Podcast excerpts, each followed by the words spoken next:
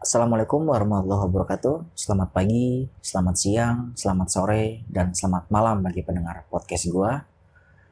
Salam sejahtera dan salam berbahagia bagi pendengar podcast gua dan selamat datang kembali di episode ke-12 bersama gua Adnan Nasrullah yaitu di podcast Dunan.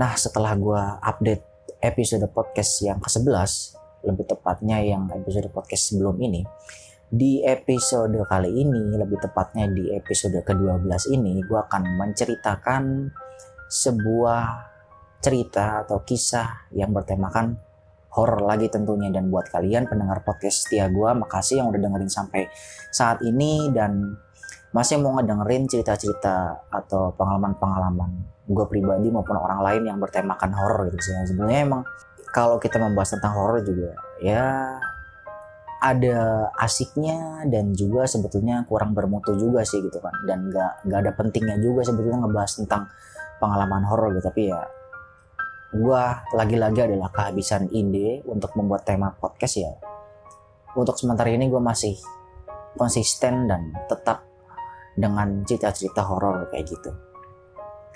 Nah, untuk cerita atau kisah horor yang akan gue sampaikan pada episode podcast kali ini itu tidak jauh berbeda atau mungkin bukan tidak jauh berbeda ya. Jadi ada sesuatu yang hampir sama yang akan gue bahas di episode kali ini dengan episode yang lalu, lebih tepatnya episode 11. Jadi ada sebuah clue yang mana gue akan kasih tahu yaitu clue-nya itu adalah sebuah sesuatu yang melayang-layang atau terbang yang mana ketika gue menceritakan di episode 11 di sana gue menceritakan dan buat kalian yang belum dengerin kalian dengerin dulu deh episode 11 gue yang akan gue ceritakan juga tentang sesuatu yang melayang-layang atau terbang itu di episode kali ini kayak gitu. Dan lagi-lagi pengalaman ini adalah bukan pengalaman gue pribadi gue dapet pengalaman ini dari teman gue langsung. Dia yang bercerita tanpa gue minta. Dia tiba-tiba cerita dan kisah ini udah lumayan lama sekitar dua tahun yang lalu. Ya sebenarnya dua tahun yang lalu ya nggak lama-lama banget sih tapi mungkin kejadian ini udah lama kejadian kisahnya. Cuman dianya teman gue ini dia cerita di saat dua tahun yang lalu gitu kalau nggak salah di saat semester 2 kalau nggak salah. Dia kan teman kampus kan teman sempat sekelas juga cukup sering sekelas. Cuman yang gue ingat itu karena emang sekarang gue udah nggak sekelas lagi sama dia semakin naik semester maka peluang untuk sekelas dengan teman sekelas ketika baru masuk kuliah itu kadang-kadang bagi kalian yang menerapkan bagi kalian yang kuliah khususnya yang kampusnya menerapkan sebuah sistem pemilihan KRS atau SKS sendiri pasti kalian rentan dengan namanya berpisah dengan teman-teman ketika kalian masuk baru masuk di kampus kalian gitu. Nah termasuk ini, walaupun gue dulu cukup dekat dengan dia, tapi ya lama kelamaan kadang karena kita kadang nggak ada waktu buat saling berkomunikasi dan sampai akhirnya kita mengisi KRS itu sendiri-sendiri yang mengakibatkan kita udah jarang satu kelas lagi kayak gitu. Buat kalian yang kuliah pasti paham lah, gitu kan. Ini khusus yang buat kalian buat kuliah aja nih ya dan jangan jangan uh, tersindir atau merasa tersinggung atau bahkan merasa rendah diri bahwa kalian yang tidak bisa menempuh di perguruan tinggi. Karena gelar itu sejujurnya bahkan secara gue pribadi ya gue punya pendapat bahwa gelar itu sebetulnya nggak penting. Ini gue belak belakan aja nih gelar itu sebetulnya emang nggak penting. Karena di era zaman sekarang itu betul-betul bukan hanya sekedar gelar jika misalkan kalian hanya mengandalkan sebuah gelar, tapi kalian nggak punya skill, nggak punya attitude, itu sama aja bohong.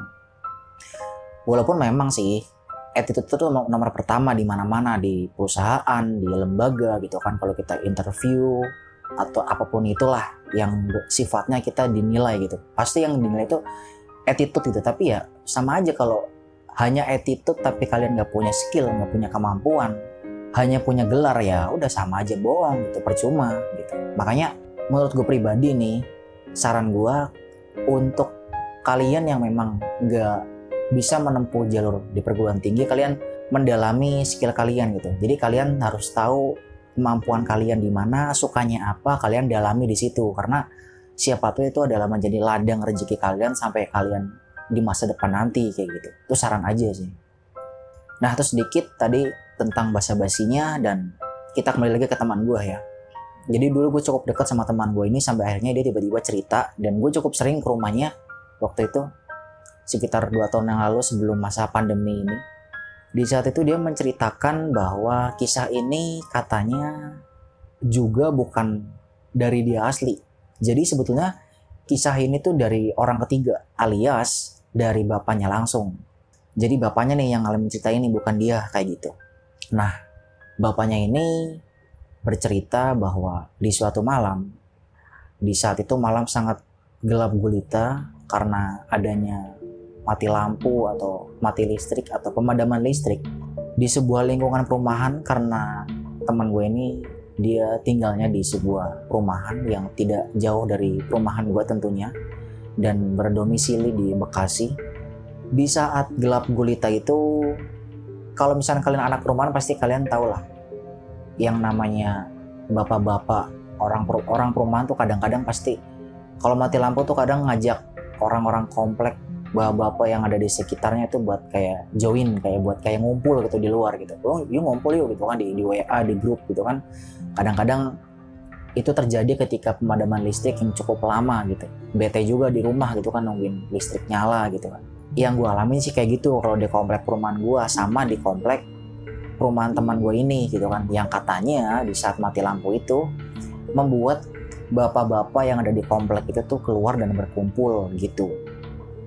Dan dikarenakan ada kejadian kayak gitu, dikarenakan semua bapak-bapak itu udah kumpul, jadi mereka semua memutuskan untuk ronda berkeliling kampung kayak gitu. Jadi istilahnya nanggung lah, udah kumpul, ya udah sekalian ronda buat jaga-jaga siapa tuh emang ada maling gitu kan. Karena kalau nggak salah cukup lama juga mati lampunya, gue gua kurang tahu lebih tepatnya lamanya kapan. Maksudnya jam dari jam berapa sampai jam berapa gitu lamanya berapa lama gue kurang tahu yang jelas cukup lama kata teman gue dan itu itu membuat semua bapak-bapak tuh berkumpul dan memutuskan untuk berkeliling komplek gitu komplek komplek perumahan tapi kalau kalian bayangkan perumahan teman gue ini dan perumahan gue ini adalah perumahan yang bukan perumahan elit yang seperti kalian bayangkan di kota-kota yang ya boleh dibilang yang pohon aja tuh mungkin nggak rimbun gitu yang pohon-pohon yang istilahnya pohon apa ya yang kadang-kadang aku gue lihat kayak pohon kelapa cuman bukan pohon kelapa yang kadang di tengah jalan tuh yang buat uh, berdampingan menghiasi lampu jalan kadang-kadang kan di jalan terus ada pembatas jalan kan. Di mana pembatas jalan itu kan kadang ada lampu jalan terus di samping-sampingnya itu kan ada pohon-pohon yang mendampingi yang kadang-kadang ke atas sampai menjulang ke atas terus daun-daunnya tuh mirip pohon kelapa gitu. Tapi gue lupa itu namanya pohon apa dan memang sebetulnya gue gak pernah dengar sih itu namanya jenis pohon apa gitu.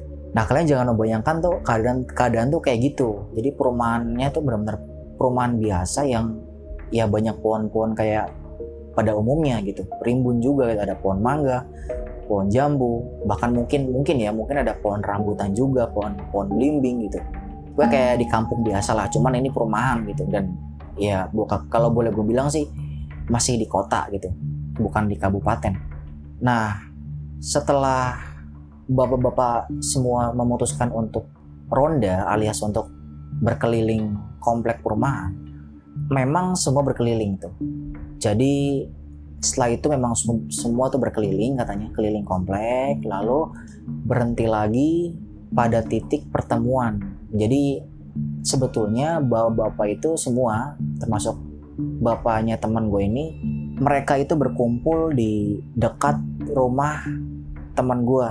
Jadi mungkin kalau dari jalan yang ada di depan rumah teman gue ini persis mungkin hanya berjarak 10 langkah lah dari sana. Itu titik-titik berkumpul karena di sana ada sebuah pos gitu pos ronda.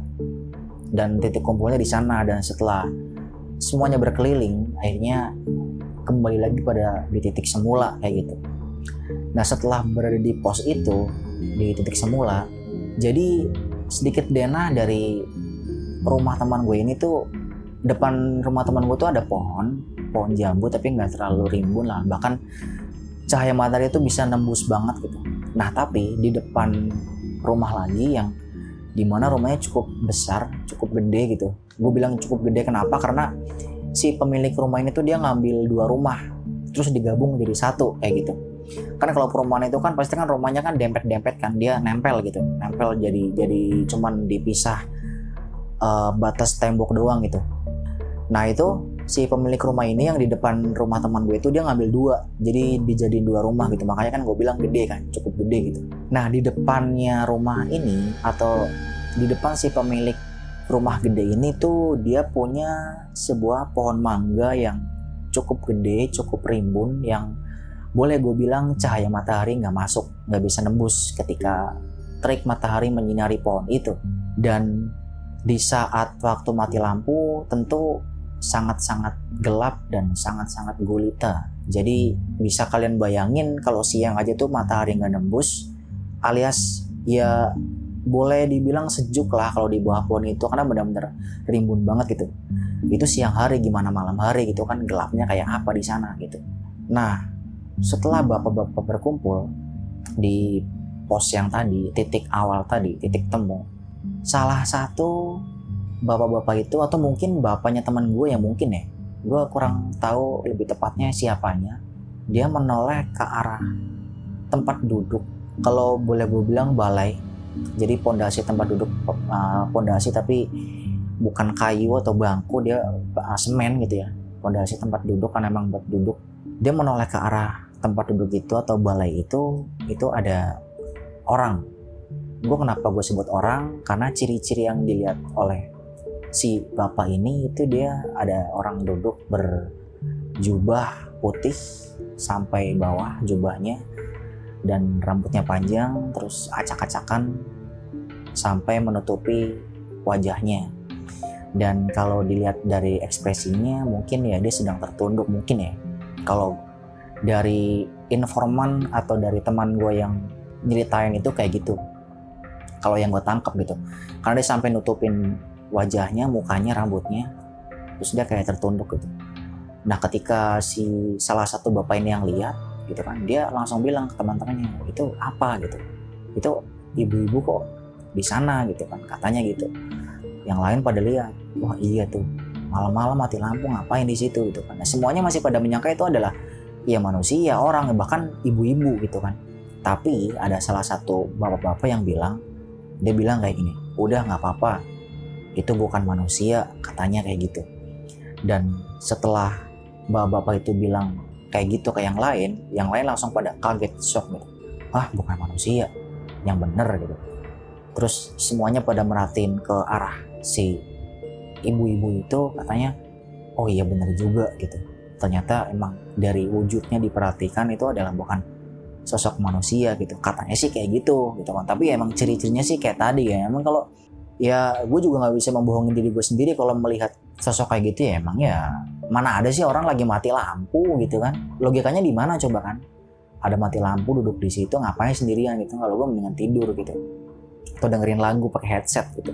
Nah di saat itu semua pada shock dan kaget. Tapi ada hal lucu di sini. Ada hal salah satu hal lucu yang nyempil di sini. Jadi kayak gini. Setelah semua mengetahui bahwa itu adalah bukan manusia ya ini anggapan mereka nih itu bukan manusia nih. Tapi mereka mau membuktikan. Jadi kayak gini. Salah satu atau mungkin beberapa dari bapak-bapak itu membawa sebuah center jadi mungkin sekitar dua atau tiga orang bawa center gitu ya. Dan mereka itu kayak menyoroti ke sosok itu ke ibu-ibu itu. Setelah disorot oleh center-center itu dan bapak-bapak itu bilang sambil bilang loh nih bayangin kalian nah, kalian kayak nyorot ke dia nih ke sosoknya terus sambil bilang bu malam-malam bu lagi mati lampu ngapain di luar?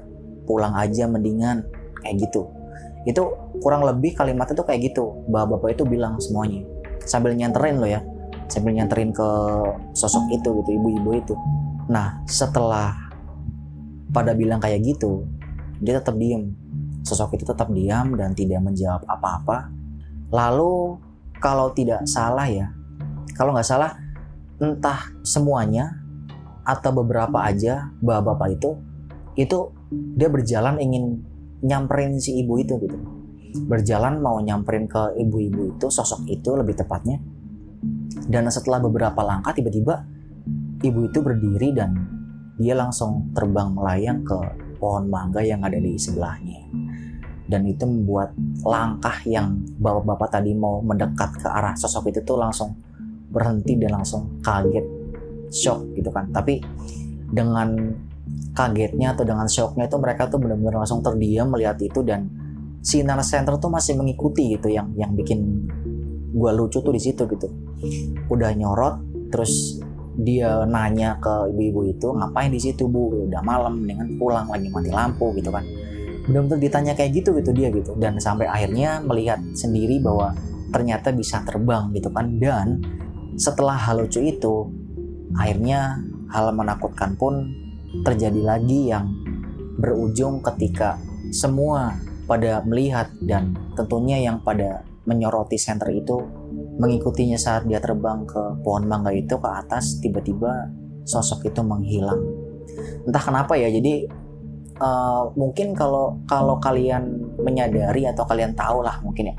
Kalau memang dia mengumpat ya, atau ngumpet di sana itu pasti akan ketahuan kan. Apalagi kondisi gelap gulita ada center pula gitu kan. Pasti kalau dia istilahnya kalau kita naik pohon mangga lah misal kayak kita aja naik pohon mangga terus kita ngumpet di sana pegangan di atas di ranting-ranting pohonnya serimbun apa pun pohon mangga itu pasti kalau kita centerin dan kita pakai baju putih pasti akan tetap terlihat gitu kan. Kalau ini tuh bener-bener enggak gitu dan bener-bener hilang nggak ada nggak ada nggak ada baju putih itu lagi dan udah hilang gitu. Dan itu yang membuat semua bawa-bawa itu merinding katanya dan memutuskan untuk ke rumahnya masing-masing langsung pada saat itu juga gitu. Nah itu sedikit cerita dari teman gua teman kampus gua lebih tepatnya sekarang dan gua akan menceritakan kisah yang kedua lagi nih. Sebetulnya gue akan menceritakan kisah ini tuh di episode yang selanjutnya. Cuman gue pikir sekalian aja lah. Lagi pula cerita ini nggak cukup-cukup panjang juga kok. Cerita ini sangat-sangat singkat gitu. Rentan waktunya lebih pendek dari yang tadi. Kalau tadi itu kisahnya itu dari teman gue itu dia menceritakan sekitar dua tahun yang lalu. Kalau ini mungkin setahun yang lalu ya. Jadi pada waktu itu salah satu teman kelas gue sakit. Mungkin teman cewek nih yang gue ingat teman cewek sakit dia diopnam di salah satu rumah sakit yang ada di Bekasi Timur dan lagi-lagi gue tidak akan menyebutkan nama rumah sakitnya apa, jalannya apa dan letak tempatnya di mana gue nggak akan menyebutkan itu. Nah akhirnya beberapa teman gue sekitar mungkin ada lima atau lebih ya, yang anggap aja lima orang lah, itu menjenguk teman gue yang sakit ini. Nah pada waktu itu penjengukan sampai larut malam yang akhirnya sampai rumah sakit itu tutup. Mungkin sekitar jam 10 malam ya mungkin ya. Karena setahu gue itu jam operasional atau jam penjengukan dari rumah sakit itu yang gue alami dan yang gue tahu itu mungkin maksimal sampai jam 9 mungkin gitu. Dan setelah jam 9 itu udah nggak boleh ada orang jenguk tapi sebagai kita pengunjung atau sebagai tamu yang sedang jenguk itu masih boleh keluar gitu pastinya. Karena gue ngalamin sendiri dulu pernah waktu lagi nungguin buah gue di rumah sakit gitu kan. Atau bahkan di saat gue opnam dulu sendiri di saat waktu SD itu gue pernah keluar gitu kan dan mondar mandir ke luar bener-bener keluar jalan raya gitu. Keluar dan masuk beli makanan gitu gue pernah gitu. Jadi gue mengalami gitu nah sampailah pada suasana yang sangat sepi di rumah sakit itu ya gimana nggak sepi orang-orang orang udah pada pulang gitu kan orang-orang udah pada pulang, penjenguk udah pada pulang, ya kan, dokter-dokter udah pada pulang, mungkin hanya beberapa perawat saja dan dokter yang shift malam pada saat itu mungkin ya. Dan entah kenapa lorong yang dia lewati itu lorong yang memang ada beberapa lampu yang dimatikan gitu. Ya memang wajar sih, gue juga itu sebuah hal lumrah sih sebetulnya atau hal yang memang sudah lazim lah. Gue juga begitu. Waktu gue nungguin mbah gue dulu waktu sakit juga gue iseng keluar gitu kan keliling rumah sakit dan emang lagi cari angin aja gitu. Ada beberapa lampu yang emang di pojok lorong atau di beberapa lorong tertentu atau di ruangan tertentu tuh pasti emang dimatikan gitu mati lampunya. Karena memang buat hemat listrik juga sih gue mikirnya gitu. Dan itu ya hal yang wajar gitu. Dan setelah melewati lorong gelap itu mereka sebetulnya cukup merinding katanya. Lewat rumah sakit udah sepi gitu kan. Lampu beberapa udah ada yang mati gitu di sana. Tapi entah kenapa ya dengan rasa pengalihan mereka mereka malah seketika mampir ke toilet. Tapi toilet ini bukan toilet yang kayak satu ruangan toilet yang berisikan ada ada kloset ada wastafel itu enggak. Jadi toiletnya kayak toilet yang kalian tahu pasti kalian pernah lah masuk ke toilet rumah sakit atau bahkan toilet-toilet masjid-masjid yang besar jadi toilet ini ada ada ada ruangan yang di mana ada beberapa wastafel di sana, ada kaca, ada uh, tempat yang buat buang air kecil yang buat laki-laki tuh ya yang berdiri. Terus ada room atau bilik-bilik yang buat uh, buang air besar gitu. Pasti pasti kalian banget banget tahu lah, sangat tahu pasti. Nah di toilet itu ya namanya anak remaja lah ya biasa pasti rame gitu kan, riuh ngobrol sana sini gitu kan. Bahkan ada yang berceloteh segala macam bercanda-canda gitu kan. Eh, namanya anak kuliah anak kampus ya gimana sih gitu. Nah tapi keramaian itu seketika berhenti ketika ada sebuah lagu yaitu lagu Lengser Wengi yang terdengar di bilik paling pojok atau sebuah ruangan yang buat buang air besar itu yang paling pojok kloset paling pojok gitu. Semua seketika heran gitu kok ada lagu gitu. Terus tapi sebelum itu mungkin mereka bukan mungkin sih emang emang mereka ngomong sendiri dan mereka kayak cerita sendiri mereka bilang oh mungkin orang kali iseng gitu kan. Ini orang ngapain sih iseng? Nakut-nakutin pakai lagu yang serewangi segala gitu kan di toilet itu. Dan pada waktu itu seketika mereka menyadari bahwa oh ya ini kan udah malam gitu ya. Mana ada malam-malam ada orang BAB di sana terus niat ngisengin kita semua gitu kan. Ngapain gitu ada ada orang kayak gitu. Dan di samping kalaupun itu mereka sempat berpikir bahwa kalau memang itu adalah sebuah lagu yang memang di luar dari gedung itu alias di luar dari dari toilet itu pasti lagunya nggak akan terdengar sekencang itu. Ini lagu, lagu lagunya tuh bener-bener kencang dan kayak kayak emang bener-bener di ruangan itu gitu. Dan setelah itu mungkin ya seingat gue ada salah satu teman gue yang dia mengetuk pintu mencoba mengetuk pintu bilik yang memang berada di sumber suara itu gitu. Yang di mana suara itu bersumber di sana gitu intinya. Dia ngetuk pintu. Nah setelah diketuk pintu tenaga teman gue ini nggak sengaja di saat dia ngetuk pintu tuh kayak ngedorong pintu itu sampai pintu itu terbuka dan hasilnya adalah nihil ternyata yang mana ketika teman gue mengetuk pintu itu tidak ada orang sama sekali di sana dan lagunya masih terdengar dengan jelas. Coba kalian bayangkan bagaimana ketika sebuah keramaian, sebuah obrolan abstrak bercanda sana sini di kamar mandi, di toilet, seketika berhenti dengan kejadian seperti itu gitu. Reaksi kalian tuh akan seperti apa gitu dan seketika ternyata ya reaksinya adalah mungkin yang kalian pikirkan itu ya mungkin yang dilakukan sama teman-teman gue ini. Karena teman-teman gue ini seketika ketika membuka pintu dan gak ada siapa-siapa tapi lagu masih terdengar sangat jelas di sana mereka lari terbirit-birit sampai ke parkiran motor dan langsung meninggalkan rumah sakit itu gitu. Dan dia itu mungkin salah satu pengalaman horor yang cukup-cukup menyeramkan gitu ya.